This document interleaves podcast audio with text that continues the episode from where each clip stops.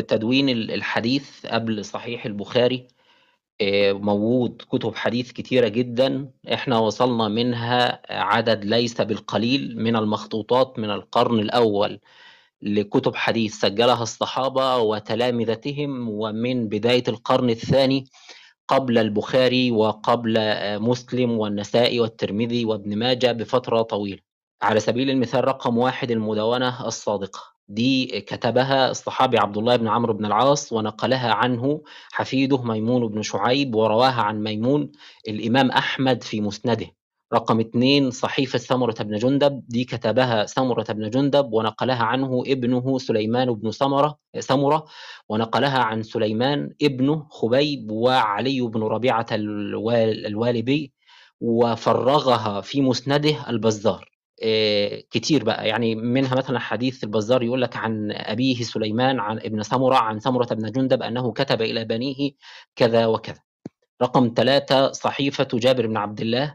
دي آه، نقلها معمر بن راشد ورواها وفرغها عن معمر آه، عبد الرزاق في مصنفه. هتلاقي عبد الرزاق في المصنف كتير يقول أخبرنا معمر قال في صحيفة جابر بن عبد الله قال رقم آه، أربعة آه، صحيفة الصحابي نبيط بن شريط آه، نقلها عنه حفيده إسحاق بن إبراهيم بن نبيط متوفر منها مخطوطة في المكتبة الظاهرية بعنوان حديث رقم 279 وموجود أيضا مخطوط تاني في مكتبة القاهرة ثواني يا إخوة في دار الوثائق في القاهرة برقم واحد على 108 وذكرها آه، الذهبي في تذكرة الحفاظ.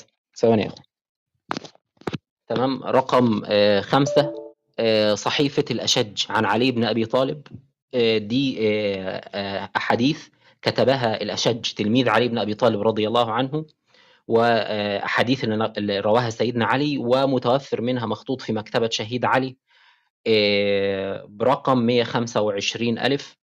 وبالقاهرة مخطوط تاني رقم واحد على 105 آه، رقم آه، ستة صحيفة خراش عن أنس. متوفر لها ده أحد تلامذة أنس رضي الله عنه سجل الأحاديث التي سمعها من أنس. متوفر لها حاليا مخطوط في مكتبة شهيد علي برقم 539 ومكتبة برلين برقم 500 1552 آه، رقم ستة أو سبعة صحيفة همام ابن منبه عن أبي هريرة ومعاوية وابن عباس. آه، متوفر لها مخطوط أهو لوردت من سنة 234 هجرية وأنا كنت ذكرتها كثيرا قبل ذلك وقارنت بين بعض محتوياتها وكتب الحديث التي فرغت آه، نصها آه، ومنها حديث أم معبد الشهير اللي هو النبي صلى الله عليه وسلم ذهب إلى خيمة أم معبد والمعجزة التي حصلت وأبيات الشعر التي رويت وكيف أن هناك درجة تطابق عالية جدا ما بين النص المتوفر في المخطوط وصحيفة همام التي فرغتها كتب الحديث وكتب السيرة حتى وصلت درجة التطابق إلى آه، إلى أبيات الشعر نفسها إن أبيات الشعر نقلت بنفس الدقة. آه، متوفر له مخطوط بالمكتبة الظاهرية برقم آه، مجموع 53 رقم 8 صحيفة الزبير بن عدي عن أنس رضي الله عنه. آه، أحد تلامذة أنس متوفر ليه مخطوط برقم في المكتبة الظاهرية برقم مجموع 24 آه، رقم 8 صحيفة حميد الطويل عن أنس. آه، دون أحاديث الحسن البصري عن أنس في صحيفة متوفر منها مخطوط حاليا بعنوان صحيفة حميد الطويل عن أنس في مكتبة شهيد علي برقم 539 دي من القرن الناس دي يا جماعة من القرن الأول الهجري. آه، رقم تسعة صحيفة عبيد الله بن عمر عن جده عمر بن الخطاب. عبيد الله بن عمر بن حفص بن عاصم بن عمر بن الخطاب آه، دون أحاديث جده عمر رضي الله عنه ومتوفر لها مخطوط بعنوان جزء من حديث عبيد الله برواية آه، أبي سعيد عمرو بن أبي زرعة. دي رواية الأمالي يعني رواية المخ... سند المخطوط. المخطوط متوفر له في المكتبة الظاهرية برقم مجموع 105 ده بعض الكتب الحديث اللي سجلها الصحابة وتلامذة الصحابة ووصلت إلينا. فما بالك بما لم يصل إلينا بعد وده يعني إيه الجزء ده جزء يسير. آه، الكتب الحديث اللي في الفترة اللي بعد ذلك اللي هي من التابعين اللي ولدوا في القرن الأول في زمن الصحابة آه، وماتوا في منتصف القرن الثاني ودونوا آه، كتب حديث.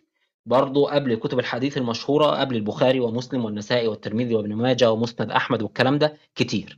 زي ابن جريج ده آه، مولود سنة 80 هجرية متوفر ليه مخطوط بعنوان ما رواه الأكابر عن مالك بن أنس ويحيى الأنصاري وابن جريج. بالمكتبة الظاهرية مجموع 98 على 17 رقم اثنين كتاب حديث المثنى ابن عبد الله بن أنس بن مالك حفيد أنس بن مالك. ده متوفى سنة 150 هجرية آه، آه، موجود له كتاب حديث في المكتبة الظاهرية برقم مجموع 24 رقم ثلاثة تفسير سعيد بن أبي عروبة المولود سنة 70 هجرية ده طبعا برضو آه، فيه الكثير من الأحاديث. رقم أربعة كتاب حديث إبراهيم بن طهمان ده متوفى سنة 163 الكتاب اسمه كتاب السنن في الفقه وكتاب الم... ابن النديم في الفهرست قال إن ليه كتاب اسمه كتاب السنن في الفقه وكتاب المناقب. وكتاب العيدين وكتاب التفسير. رقم خمسة الربيع ابن حبيب الفراهيدي. ده متوفى سنة 110 وليه كتاب متوفر اسمه كتاب الآثار. آه، رقم ستة صحيفة آه، كلثوم بن محمد بن أبي سدرة. ده متوفى سنة 161 رقم سبعة صحيفة جويرية بن أسماء. ده متوفى سنة 173 كل دول يا جماعة لهم مخطوطات متوفرة رقم 8 صحيفة ابن لهيعة. ده متوفى سنة 153 رقم 9 صحيفة ابن المبارك متوفى سنة 181 كتاب الزهد والرقائق كتاب الجهاد كتاب المسند كتاب البر والصلة رقم 10 نسخة إبراهيم بن سعد الزهري ده متوفى سنة 183 رقم 11 كتاب آه، محمد بن فضيل الضبي متوفى سنة 195 بعنوان كتاب الزهد وكتاب الدعاء رقم 12 كتاب التفسير والحديث لسفيان بن عيينة متوفى سنة 196 رقم 13 كتاب المصنف وكتاب الزهد وكتاب التفسير لوكيع بن الجراح متوفى سنة 197 دي مخطوطات متوفرة. يجي بقى مين؟ أبو داود 204 يجي بقى مين؟ عبد الرزاق 211 يجي بقى مين؟ البخاري. يجي أحمد بن حنبل. واخدين بالكم؟ فالأسماء اللي إحنا بنذكرها دي أسماء من قبل من قبل كتب الحديث الشهيرة ودي بعض الأسماء يعني. زي ما الحافظ العراق السيوطي كان بيقول آه، أول جامع الحديث والأثر آه، ابن شهاب امرا له عمر وأول الجميع آه، وأول الجميع باتفاق على صحيح فقط باختصار على صحيح فقط البخاري. مين بقى اللي سجلوا الأحاديث قبل البخاري؟ كابن جريج وهشيم مالكي ومعمر وولد المبارك في ناس كتير يعني ذكر بعضهم السيوطي في الألفية بتاعته. بعد كده بقى بيجي البخاري والناس اللي إحنا بنسمع عنهم. البخاري يا جماعة بالمناسبة يعني مخطوطات البخاري أكتر من مخطوطات اليونانية للإنجيل. مخطوطات صحيح البخاري أكتر من المخطوطات اليونانية للعهد الجديد يعني. ألوف المخطوطات متوفرة للإمام البخاري. من أشهر المخطوطات المخطوطة بتاعة ألفونس من جانا اللهم ذكرني لو أنا أحاول أجيب لك رقم المخطوطة مخطوطة ألفونس من جانا دي اللي هي النسفي عن الفرابري رحمه الله. النسفي اللهم صل على النبي المستملي. المستملي عن الفرابري. يعني أشهر تلامذة البخاري الفرابري وأشهر تلامذة الفرابري المستملي. فالمخطوطة دي بخط المستملي تلميذ الفرابري اللي هو أشهر تلامذة البخاري اللي البخاري آه، قرأ عليهم الصحيح بتاعه يعني. طيب كده آه، بالنسبة بقى للنقطة الأهم اللي أنا كنت عايز أتكلم فيها اللي هي مسألة آه، التوثيق منهج التوثيق. فيه اعتراض أنا سمعته وصلني عن بعض النكارة بيستنكر إن في صحيح البخاري في حديث عن وفد عبد القيس. الحديث بيقول كان ابن عباس يقعدني على سريره فقال إن وفد عبد القيس لما أتوا رسول الله صلى الله عليه وسلم قال من الوفد؟ قالوا ربيعة. قال مرحبا بالوفد أو القوم غير خزايا ولا ندامة.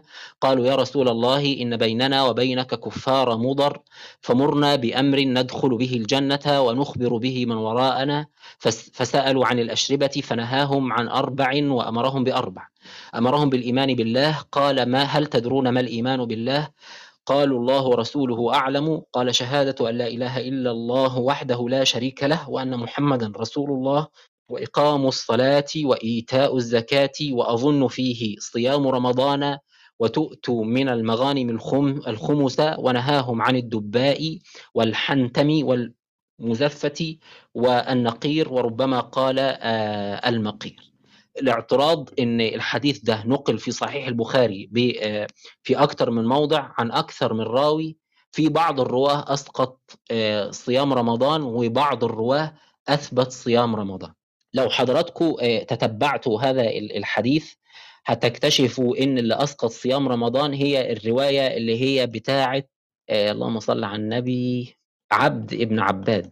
في أحد الرواة اسمه عبد ابن عباد. ثواني كده أجيبها لكم. آه عباد بن عباد أنا آسف. عباد بن عباد المهلبي هتكتشف إن اللي خالف هو عباد آه، الرواية اللي فيها عباد بن عباد المهلبي. هتكتشف إن عباد بن عباد المهلبي قال عنه العلماء زي ابن حجر العسقلاني آه، ثقة وربما وهم. ثقة وربما وهم. وغيره من العلماء وثقوه وقالوا عنه إنه عنده بعض الوهم. بما يعني إن فكرة إن هذا الراوي الثقة أحيانا بيخطئ الفكرة دي ما كانتش غايبة عن علماء الحديث ما كانتش غايبة عن علماء الجرح والتعديل علماء الجرح والتعديل هم اللي نقلوا هذا الأمر وهم اللي قالوه.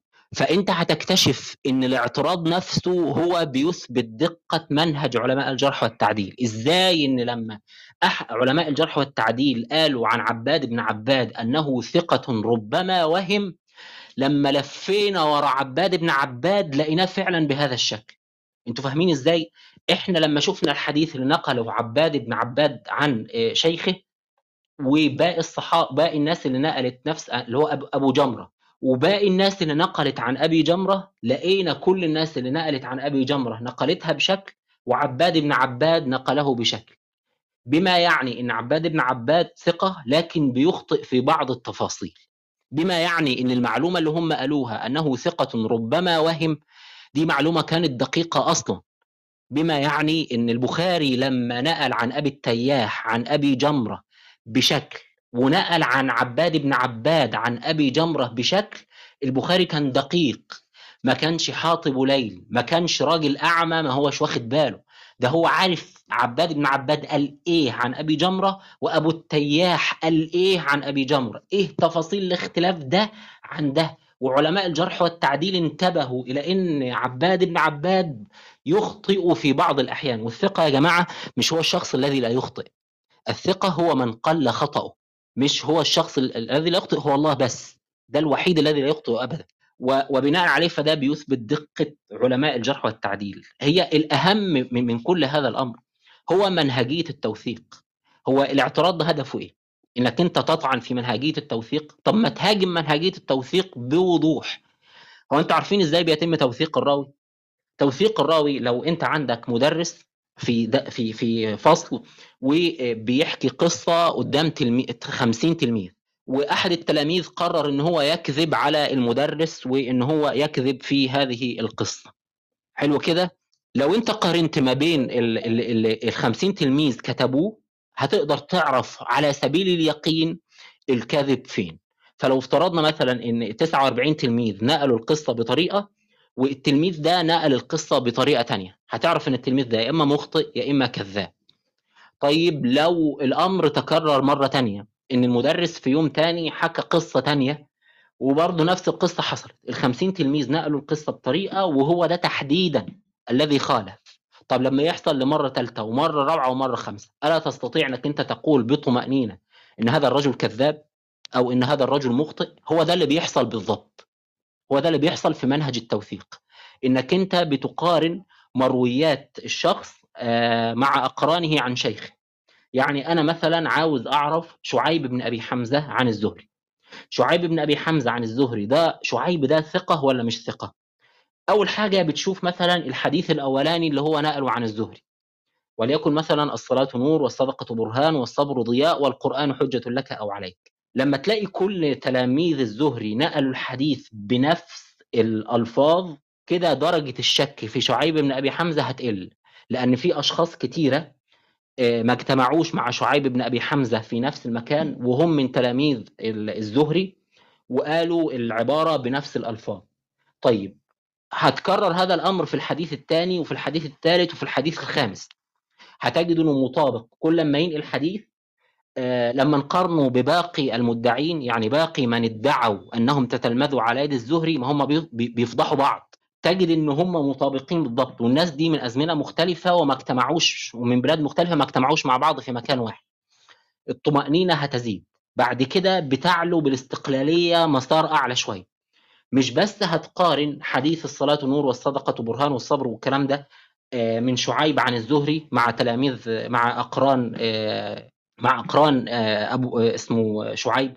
لا ده أنت كمان هتشوف أقران الزهري. ما هو الزهري مش هو الوحيد اللي نقله عن عروة ابن الزبير. في ناس تانية نقلته عن عروة بن الزبير. فهتكتشف إن اللي بينقله شعيب بن أبي حمزة عن الزهري كل لما ينقلوا عن الزهري تلاقي باقي المدعين اللي هم ادعوا إن هم تلاميذ الزهري لما بينقلوا بينقلوا نفس الألفاظ. اتكرر الموضوع ده 15 مرة. ومش بس كده ده كل الناس اللي هي تتلمذت عن عروة بن الزبير. لما نقلت هذا الحديث عن عروة بن الزبير كان تماما كما نقله شعيب عن الزهري عن عروة بن الزبير. فبتقارن منقولات شعيب مع من هم في طبقته عن شيخ شعيب. ومنقولات شعيب عن شيخه مع آه، من هم في طبقة شيخ شعيب. فدرجة الاستقلالية بتعلى أكتر والطمأنينة إلى شعيب بن أبي حمزة بتعلى أكتر. كل ده مثلا في صحيح البخاري. بتعمل أنت بقى مسار أكثر استقلالية. بتحط البخاري على جنب وتجيب النسائي. وتعمل نفس الاستماتة دي نفس التشجير ده نفس ال 30 40 رسمة اللي أنت عملتهم في صحيح البخاري هتعملهم في النسائي. هتكتشف برضو إن بيحصل التطابق. بعد كده هتسيب النسائي على جنب وتروح للترمذي وبعد كده تروح للدارمي وبعد كده تروح للدار قطني وبعد كده تروح للطبراني وبعد كده تروح لأحمد كتب الحديث كلها. وتجد إن الراجل ده الكل نقل الاحاديث عن تلاميذ الزهري ولما قارنا حديثه بأحاديثهم في كل هذه الأماكن المختلفة مع هؤلاء الأشخاص المختلفين اللي من أزمنة مختلفة ولم يجتمعوا مع بعض ابدا كانت متطابقة. بيتولد لديك يقين إن شعيب بن أبي حمزة رجل ثقة أو إن شعيب بن شعيب بن أبي حمزة ثقة يهم زي ما قالوا عن عباد بن عباد. مش ابن حجر العسقلاني قال عباد بن عباد ثقة يهم ثم مات؟ كيف وجدنا؟ خلق الله لنا النكارة فحط صبعهم على دليل يثبت ما قاله ابن حجر. إن إحنا لما قارنا من نقل عن أبي جمرة الحديث لقيناهم بينقلوها بشكل وعباد ده تحديدا نقلها نقلها بشكل. ده بيثبت صحة ما قاله ابن حجر ثم مات. عاوز تعرف؟ هات مثلا عبارة قالها النسائي مثلا. قال لك معمر في ثابت مضطرب يهم. حلو كده؟ ثم مات. هات دي وهات ورقة وقلم. وتتبع الأحاديث اللي بينقلوا معمر عن ثابت. مع الناس اللي بتنقل عن ثابت في البخاري والنسائي والترمذي والطبراني وأحمد وأبي داود وابن ماجة والدارمي والدار قطني والبيهقي ومالك وغيرهم. هتجد اعمل الرسمة اللي أنا قلت لك عليها دي هتطلع ب 50 60 رسمة. هتلاحظ في النهاية فعلا إن معمر في ثابت مضطرب يهم. هو كل اللي حصل يا جماعة إن علماء الجرح والتعديل ما كانش عندهم ورق كافي يرسموا فيه هذه الأشجار. أنت عشان تحكم على راوي واحد بأن هو ثقة أنت محتاج ترسم 50 60 رسمة. 50 60 تفريعة. هيجيبوا ورق منين؟ والقلم البوص اللي بيكتبوا بيه. فتوهم البعض إن طريقة التوثيق هي بالمزاج. والله أنا عاجبني اسم صالح مولى التوأمة. اسمه عاطفي. خليه ثقة. لا. أنت عشان كده أنا دايما بقول إن الحديث الصحيح ده ملزم للجميع. يا جماعة الحديث الصحيح ملزم حتى للملحد. الحديث الصحيح بيثبت بطرق عقلية منطقية مقنعة بالورقة والقلم. الراوي بيتم توثيقه بطرق عقلية منطقية مقنعة مش بالمزاج. أنت مش من حقك ترفض الحديث أصلا. ما ينفعش تقول لي أصل أنا مش مقتنع. أصل ده بيشوه صورة النبي. هو الحديث صحيح لأن الراوي ثقة. والراوي ثقة بالورقة والقلم. هات ورقة وقلم وإحنا نعمل الاستماتة دلوقتي. إحنا نعمل التشجير دلوقتي. فالموضوع منتهي. وده نفس منهج آه، علماء النقد الاستردادي اللي هم علماء النقد النصي بيتتبعوا نفس الطريقة بيقول عالم نقد النص المشهور كورت ألان في كتابه The Text of the New Testament بيقول الطريقة التحريرية هو طبعا بيستعملوا الطريقة دي في المخطوطات. المشكلة في موضوع المخطوطات هم بيحاولوا يعملوا نفس اللي إحنا بنعمله. هو عاوز يعرف العلاقة ما بين مثلا آه، مخطوط مثلا من القرن الثامن زي آه، بري- آه، بتروبوليتانوس ومخطوط من القرن الخامس زي المخطوط السكندري. عاوز يثبت مثلا إن المخطوط ده تلميذ المخطوط ده إن مخطوط بتروبوليتانوس ده أحد تلامذة المخطوط السكندري من القرن الخامس. بطريقة بيسموها composite nature attestation. شهادة القاسم المشترك اللي هي عند علماء الجرح والتعديل ثبوت السماع إن كيف يثبت سماع الراوي؟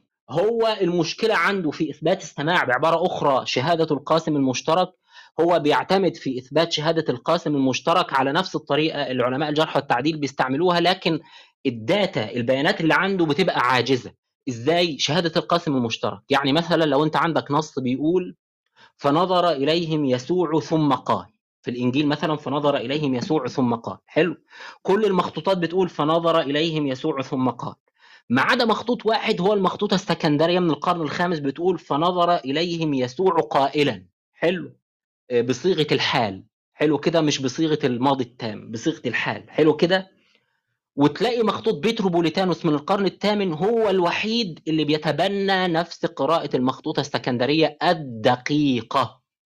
لما يتكرر لك الموضوع ده 30 مرة إن المخطوطتين بيتفقوا في القراءات الحصرية الفردية الرسمية المميزة distinctive exclusive readings هتعرف إن في قاسم مشترك. إن ده واخد عن ده دي نفس الطريقة اللي علماء الجرح والتعديل بيتبعوها إن هم بيقارنوا مرويات الراوي عن شيخه مع مرويات باقي تلامذة الراوي اللي هم عارفين إن هو الشيخ اللي هم عارفين إن هم آه، تلامذة للشيخ أو حتى بيدعوا إن هم تلامذة للشيخ. لما بيحصل تطابق بتعرف إن هم كلهم تلاميذ. المشكلة عند علماء المخطوطات إن زي ما بيبقى فيه درجة تطابق بيبقى فيه درجة اختلاف كبيرة جدا. يعني المخطوطة السكندرية دي مع مخطوطة بتروبوليتانوس في اتفاق في الأناجيل فهم بينتموا لعيلة واحدة. خارج الأناجيل المخطوطة السكندرية بتنتمي لعيلة تانية خالص. فبيبقى عاجز إن هو يعرف هل بتروبوليتانوس هي حفيدة السكندرية ولا بتروبوليتانوس هي والسكندرية إخوة لأب قد مات ولا بتروبوليتانوس والسكندرية إيه يعني إيه ابن غير شرعي. يعني بتروبوليتانوس خدت شوية من السكندرية وخدت شوية من غير السكندرية فما بيبقاش قادر يحرر مخرج السند مش قادر يعرف هو ابنه ولا حفيده ولا أخوه ولا هو إيه فيه شركاء ده ابن للكثير من الآباء في. في عند الرجاليين بيقدروا يعرفوا هو تلميذه ولا مش تلميذه ليه لأن لما التطابق بيحصل في المتن بيقدروا يعرفوا هذا تلميذ ولا لأ. لما بيحصل اختلاف شديد بيقدروا يعرفوا هو مش تلميذ ولا لأ لأن فيه علاقات ثابتة وفيه علاقات مدعاة. علاقات ثابتة يعني إيه؟ يعني في ناس مشهورة معروف إن ده تلميذ ده معروف إن علقمة تلميذ ابن مسعود معروف إن سعيد تلميذ عمر بن الخطاب معروف إن عمرو بن دينار تلميذ ابن عباس. معروف إن نافع مولى ابن عمر. معروف إن مالك تلميذ نافع. علاقات مشهورة معروف إن الشافعي تلميذ مالك. علاقات معروفة فبتقارنها بالمسارات المعروفة. وكمان في علاقات مدعاة. يعني أنا بدعي إن أنا سمعت الأستاذ سعيد وأنت بتدعي إن أنت سمعت الأستاذ سعيد وفلان بيدعي إنه سمع الأستاذ سعيد وإحنا كل واحد فينا من بلد مختلفة وما تقابلناش مع بعض في مكان واحد هنفضح بعض. فلو اتفقنا أكتر من مرة يبقى إحنا يقينا كلنا تلاميذ الأستاذ سعيد. فعلماء النقد الاستردادي بيثبتوا صحة طريقة علماء الجرح والتعديل بيد أنهم عاجزين عن تطبيقها. علماء الجرح والتعديل بيستطيعوا إن هم يعملوا التشجير أو الاستماتة بوضوح بسبب إن في علاقات معروفة وعلاقات مدعاة يمكن التحقق منها. بيقول كورت ألاند الطريقة التحريرية لنص يوناني تقليدي أو لاتيني تحدث بشكل أساسي عن طريق تكوين شجرة لتوضيح العلاقات المشتركة بين مخطوطاتها ومن ثم إعادة تكوين النص الأصلي اعتمادا على الرؤى المستقاة من نظرة شاملة لتاريخ النص وتمييز المخطوطات الأبناء عن آبائهم السابقين وعزلها من منظور أبعد. تحديد العلاقات بين المخطوطات زائد تمييز الأبناء عن الآباء ده اللي إحنا بنسميه السعي وراء سند متصل معروف المخرج. وتمييز الأبناء عن الآباء ده اللي إحنا بنقول عنه تحديد وضبط عدالة الراوي. فلو وافق شيخه كان عدلا ضابطا والعكس.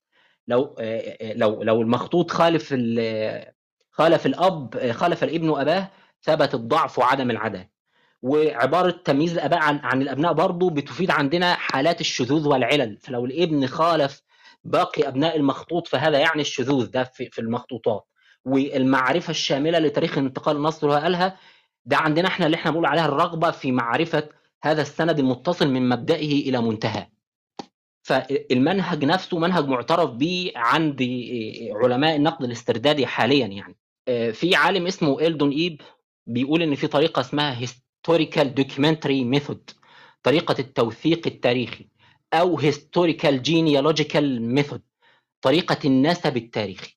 إنك أنت بتستعيد النص بحاجة اسمها الطريقة النسبية أو طريقة الانتقاء التاريخي. الطريقة دي ملخصها يا جماعة رقم واحد تتبع خطوط الانتقال إلى الوراء عبر المخطوطات إلى مراحل مبكرة جدا. تتبع خطوط الانتقال إلى الوراء ده اللي هو بيساوي عندنا إحنا سلسلة الرجال. وإلى الوراء اللي هي بيساوي عندنا إحنا من مبدئه إلى منتهى. رقم اثنين تنظيم جميع مخطوطاتنا إلى مجموعات أو كتل. كل منها تحمل نصا متشابها للغاية. إيه، فكرة إن هم بيقسموا المخطوطات لمجموعات أو كتل تحمل آه، نفس النص ده اللي هو تتبع طرق الحديث عندنا. مخطوطاتنا اللي هي عندنا إحنا الرواة مع المتون آه، آه، رقم ثلاثة بيقولوا يعني القاعدة الثالثة عندهم إن إحنا بنحدد أقدم كتلة ثم نحدد المجموعات الأخرى اللاحقة في سلسلة معروفة متعاقبة ونحدد كتلة واحدة مبكرة للغاية تعقبها كتلة أو أكثر فإن القراءات التي تنتمي لهذه الكتلة الأقدم ربما يمكن يمكن اعتبارها الأقرب للأصل.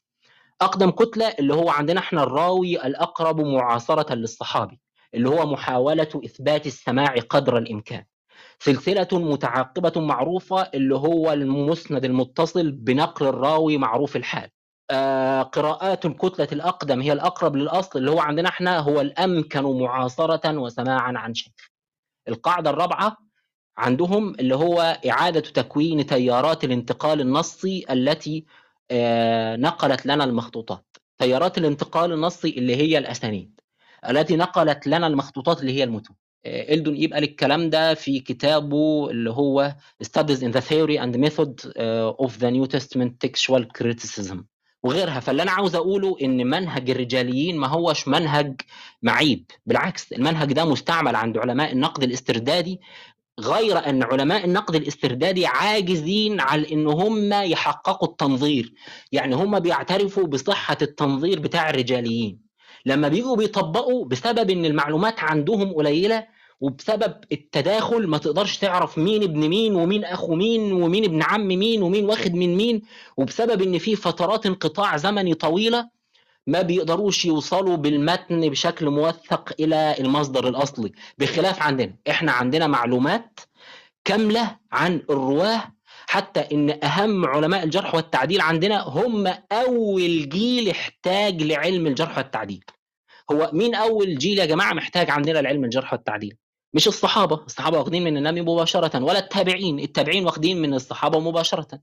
تابع التابعين. عشان كده هتجد أشهر علماء الحديث من تابع التابعين. فأهم مؤسسي هذا العلم هم أول من احتاج إليه. بخلاف علماء النقد الاستردادي ده دي ناس بعد 2000 سنة من من كتابة الإنجيل يعني هم كانوا عاملين هذا الأمر عشان يستردوا النصوص ومن ضمنها نص العهد الجديد فعملوا لجان في القرن ال19 وفي القرن العشرين. إحنا عندنا شعبة بن الحجاج وسفيان بن عيينة وسفيان الثوري ومعمر بن راشد الناس دي هي أول جيل يحتاج للجرح والتعديل وهم الأسماء الأشهر في هذا المجال. وبناء عليه فأنت لما تحب تعرف الكلام ده قيل أم لم يقل؟ تطعن في المنهج نفسه. أنا لا أجد طعن في المنهج. أنا بأجد طعن في المتن. إن المتن مش عاجبني إن محتوى النص مش عاجبني. والله الحديث ده فيه قتال وإحنا ما بنحبش القتال. الحديث ده آه، فيه زواج آه، بالصغيرات وإحنا ما بنحبش الزواج بالصغيرات. آه، فيه إن الستات ما ينفعش تمشي عريانة وإحنا نحبهم يمشوا عريانين. وهكذا. اللي هو أرأيت من اتخذ إلهه هواه؟ فالفرق ما بين منهج علماء الجرح والتعديل ومنهج النكارة هو إن منهج النكارة فيه انحياز للإسلام. النكراني بينحاز للإسلام هو عاوز يجامل الإسلام عاوز يجامل النبي صلى الله عليه وسلم. إسلام البحيري عاوز يجامل النبي. خد بالكم في ناس ملحدة عاملة نفسها مسلمة. يعني إسلام البحيري ده ما تستبعدش مثلا إن هو يكون ملحد وبيتظاهر بالإسلام لكن في ناس منهم بيحبوا الإسلام. فمن باب إن هو بيحب الإسلام عاوز يخدم الإسلام حتى تلاقي عندهم مثلا إيه روم تسميها إيه؟ الإسلام بلا شبهات. أنا مش عاوز الإسلام اللي من غير شبهات. أنا عاوز الإسلام كما هو. فاهمين الفرق؟ فإحنا عاوزين الإسلام كما هو. هو عاوز الإسلام اللي ما يوجعش القلب. انت فهمت الفرق؟ عشان كده إحنا صح وهم غلط. هو بيرفض الحديث عشان مش عاجبه. إحنا بنرفض الحديث عشان ثبت ولا لم يثبت؟ إيه ابن حجر رحمه الله لما إيه بعض الناس اعترضت على إيه حديث ابن عباس رضي الله عنه اللي هو بتاع اللهم ذكرني بتاع أفلم ييأس الذين آمنوا؟ قال ابن عباس أفلم يتبين الذين آمنوا؟ ثم قال أخطأ الناسخ كتبها وهو ناعس. الزمخشري رحمه الله قال أن هذه فرية بلا مرية ونقلها ابن حزم برضو على ما أذكر أو الرازي. طبعا الزمخشري ده عالم عالم لغة كبير جدا. الزمخشري ليه سمعة عالمية حتى على مستوى اللغات السامية الزمخشري بيستشهد بكلامه في دراسة اللغات السامية الأخرى. لأن في ضروري إنك تربط ما بين اللغات السامية وبعضها عشان تعرف جذر أي كلمه لكن الزمخشري ما هوش من علماء الجرح والتعديل. ابن حجر لما نقل كلام الزمخشري قال هذه ليست طريقة أهل العلم إن يرد الحديث بعد صحته بل يوجه على النحو اللائق به بل يوجه على النحو اللائق به. البيهقي برضه في حديث اللي هو سيدنا عبد الله بن مسعود كان بينكر المعوذتين إزاي إن الزمخشري رد هذا الحديث وإن بعض العلماء ردوا هذا الحديث مع إن الحديث صحيح السند فقال إن هذه ليست طريقة أهل السنة. وإنما طريقة أهل البدع أن يرد الحديث بعد صحته. ده عامل زي النصارى بالظبط. إحنا لما بنكلم النصارى في 54 إنجيل ورؤيا وسفر موجودين في القرون الأربعة الأولى غير الأسفار اللي أنتم مؤمنين بيها. في منها أسفار بتقول إن المسيح لم يصلب وإنما الذي صلب هو الشبيه. زي سفر رؤيا بطرس وزي لو أنا ما خانتنيش الذاكرة إنجيل يهوذا لما بنقول لهم إن في في أسفار كتيرة بتحمل عقائد زي في أسفار بتحمل عقائد إن المسيح ما كانش ليه جسد أصلا كان مجرد روح إلهية. وفي وفي كتب بتقول إن المسيح ما كانش إله أصلا ده كان مجرد جسد بشري. وهكذا. وفي أسفار بتقول إن المسيح اتجوز مريم المجدلية وخلف منها. يعني عقائد كتيرة هم مش بيؤمنوا بيها. لما بنقول لهم لماذا لا تؤمنون بها؟ يقول لك ده بيخالف الإيمان المتسلم من الكنيسة. الشيعة لما نيجي نجيب لهم حديث في مدح للصحابة مثلا من الكافي وصححه البهبودي مثلا أو المجلسي. يقول لك لا ده الحديث ده مخالف لضرورات المذهب. أنت عارف يعني إيه مخالف لضرورات المذهب؟ يعني إنا وجدنا آباءنا على أمة وان على آثارهم مقتدون. فأنت بتعمل نفس الطريقة. والله الحديث ده مخالف ل... ل... لما أحب. أنا مش حابب النبي يتجوز واحدة صغيرة. هو مش بالمزاج. أفرأيت أن لم يكن نبيا؟ افترضنا جدلا إن هو مش نبي. هتشارك أنت في الخدعة وتخلينا إحنا مخدوعين؟ ما تخلي الحق يستبين. الفرق ما بيننا وما بينهم إن إحنا عاوزين الحق ايا كان. أنا راجل واثق في ديني فما عنديش أي مشكلة. خلي عندك أنت كمان ثقة وتتبع الدليل. فالفرق الكبير ما بيننا وما بينهم الانحياز. هم عاوزين إسلام بلا شبهات. إحنا عاوزين الإسلام كما هو وإحنا واثقين الحمد لله إن الإسلام كما هو هو بلا شبهات. لكن إن كان الإسلام فيه شبهات فليكن. إحنا مش عاوزين يا جماعة هو أنت بتعتقد ثم تخترع تخترع أدلة؟ مش المفروض أنت بتشوف الأدلة وبعد كده تاخد منها العقيدة؟ أنا دايما بقول لو إحنا تتبعنا منهج النكارة لن تجد دينا باطلا على وجه الأرض. إزاي؟ هيجي الهندوس يشيلوا من البرانه والفيدا يشيلوا منها النصوص السخيفة. النصوص اللي بتقول إن الأرض متشالة على طور والنصوص السخيفة اللي عندهم دي يقول لك إن ده بيخالف العقل وإن ده حطه العباسيين بتوع الهند. وهيجي الصابئه المندائيه في كتاب الكتاب اللي بتاعهم اسمه الكنز ربة هيشيلوا الحاجات التافهة وهيجي النصارى يشيلوا النصوص السخيفة وهيجوا اليهود يشيلوا النصوص هيطلع كل الأديان صح. ما هو انت شيل وحط واحذف واطلع بإسلام بلا شبهات؟ أنا هشيل واحذف واحط هطلع بدين صابئه بلا شبهات. أنا هشيل واحذف واحط هطلع مسيحية بلا شبهات. أنا هشيل واحذف واحط هطلع برانا وفيدا كتاب هندوسي بلا شبهات. هذا بحر سهل المركب إيه اللهم صل على النبي. كان في أوريجانوس. ده أحد علماء المسيحية الكبار. ده عندهم زي شيخ الإسلام ابن تيمية عندنا كده. الله أكبر الله أكبر. أوريجانوس كان بيرد على واحد اسمه كيلسوس. كيلسوس ده راجل يهودي. كان بيقول إن المسيح آسف كيلسوس ده كان راجل وثني. كان بيقول إن المسيحيين عاملين زي السكرانين اللي بيؤذوا أنفسهم بأنفسهم فهم يقومون بحذف النصوص التي تعترض عليهم في بها اليهود والوثنيين حتى يجدوا مخرجا. يعني كيلسوس كان بيقول النصارى نكاره كيلسوس كان بيقول النصارى بيتبعوا نفس طريقة النكارة كده. ده مش عاجبنا يلا نشيله يلا نشيله يلا نشيله. فأوريجانوس رد عليه وقال له أنا لا أعرف مسيحيا يحرف لكن هم أتباع ماركيون وفالنتينوس ولوسيان وغيرهم. يعني هو أوريجانوس كان بيقول يعني فعلا في ناس بتحرف لكن لو سمحت ما تسميهمش مسيحيين ده لا ابني ولا نعرفه. حلو كده؟ أنتوا بتعملوا نفس الطريقة. نفس الطريقة كالسك... السكارى الذين يؤذون أنفسهم بأنفسهم. أنت بتحط راسك في الرمل. هو يا جماعة أنت عاوز تقنعني إن النبي صلى الله عليه وسلم ما كانش بيعمل حاجة خالص غير أنه كان يقرأ القرآن ثم يذهب إلى داره هو ده اللي كان بيحصل.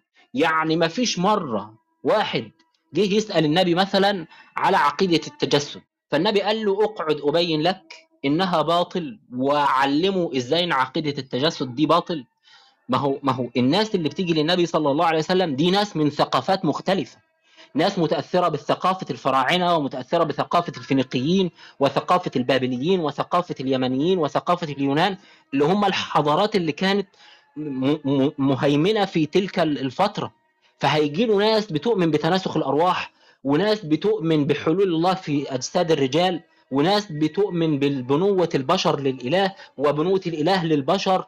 وهيجي له ناس بتؤمن بالوسطاء اللي هو pyramid of deities هرم الألوهيات اللي كانت بتؤمن بيه كفار قريش. ما نعبدهم إلا ليقربونا إلى الله زلفى. إن في ألوهية عليا supreme deity وألوهية أقل منها.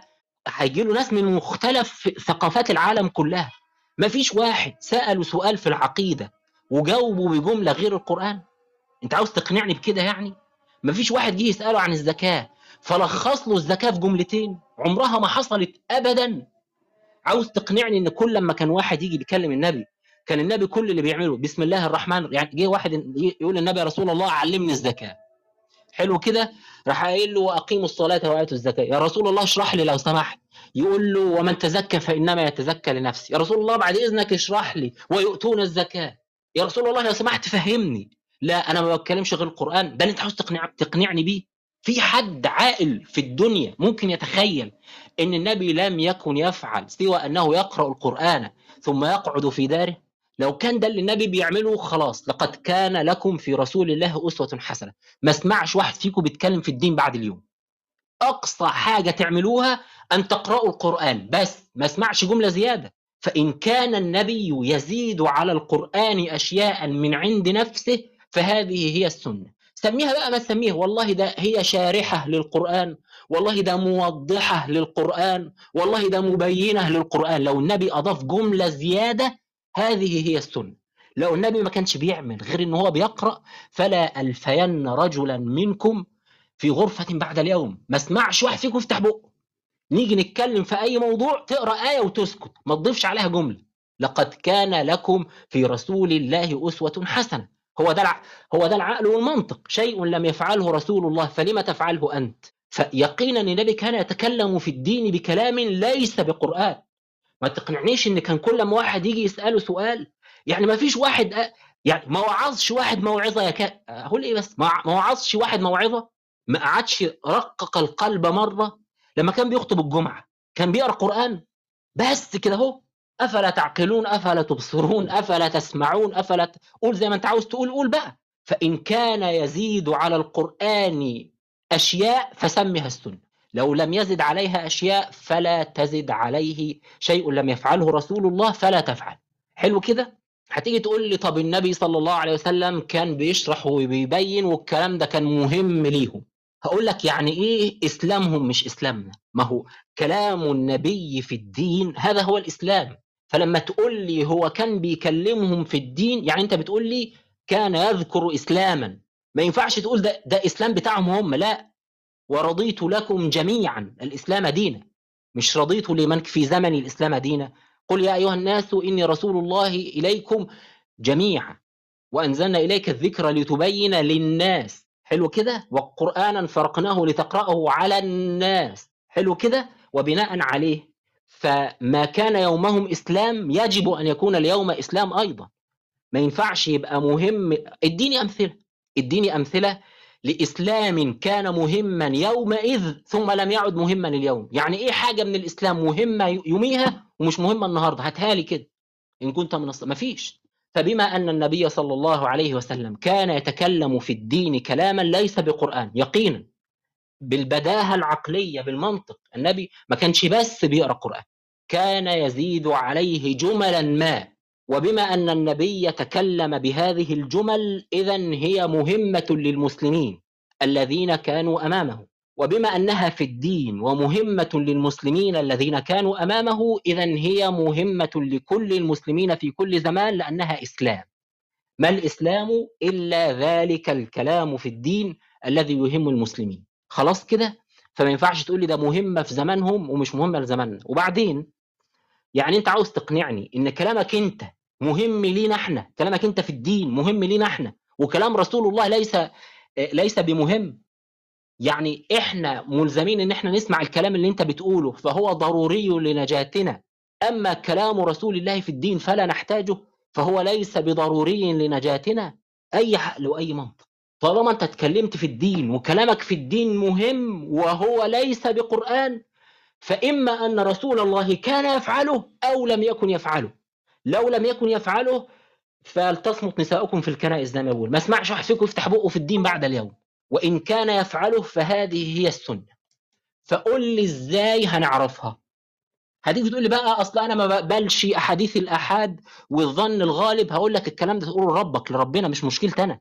الإله يجب أن يوفر لنا طريقة يوصل لنا بها الدين. لم تعد مشكلتي أنا فقط إن أثبت حجية خبر الواحد الثقة. أصبحت مشكلتك ومشكلتي أنا كمان مش إحنا مش أنا لوحدي بس. أنت زيك زي ملزمين بإثبات حجية خبر الواحد الثقة. لأن النبي ثبت بالعقل والمنطق والبداهة أنه كان يتكلم في الدين كلاما ليس بقرآن وأنه مهم للمسلمين جميعا. فبالتالي يجب أن يكون الإله وفر طريقة وأنا بقول ما فيش طريقة أفضل من الطريقة اللي بيعملها علماء الجرح والتعديل.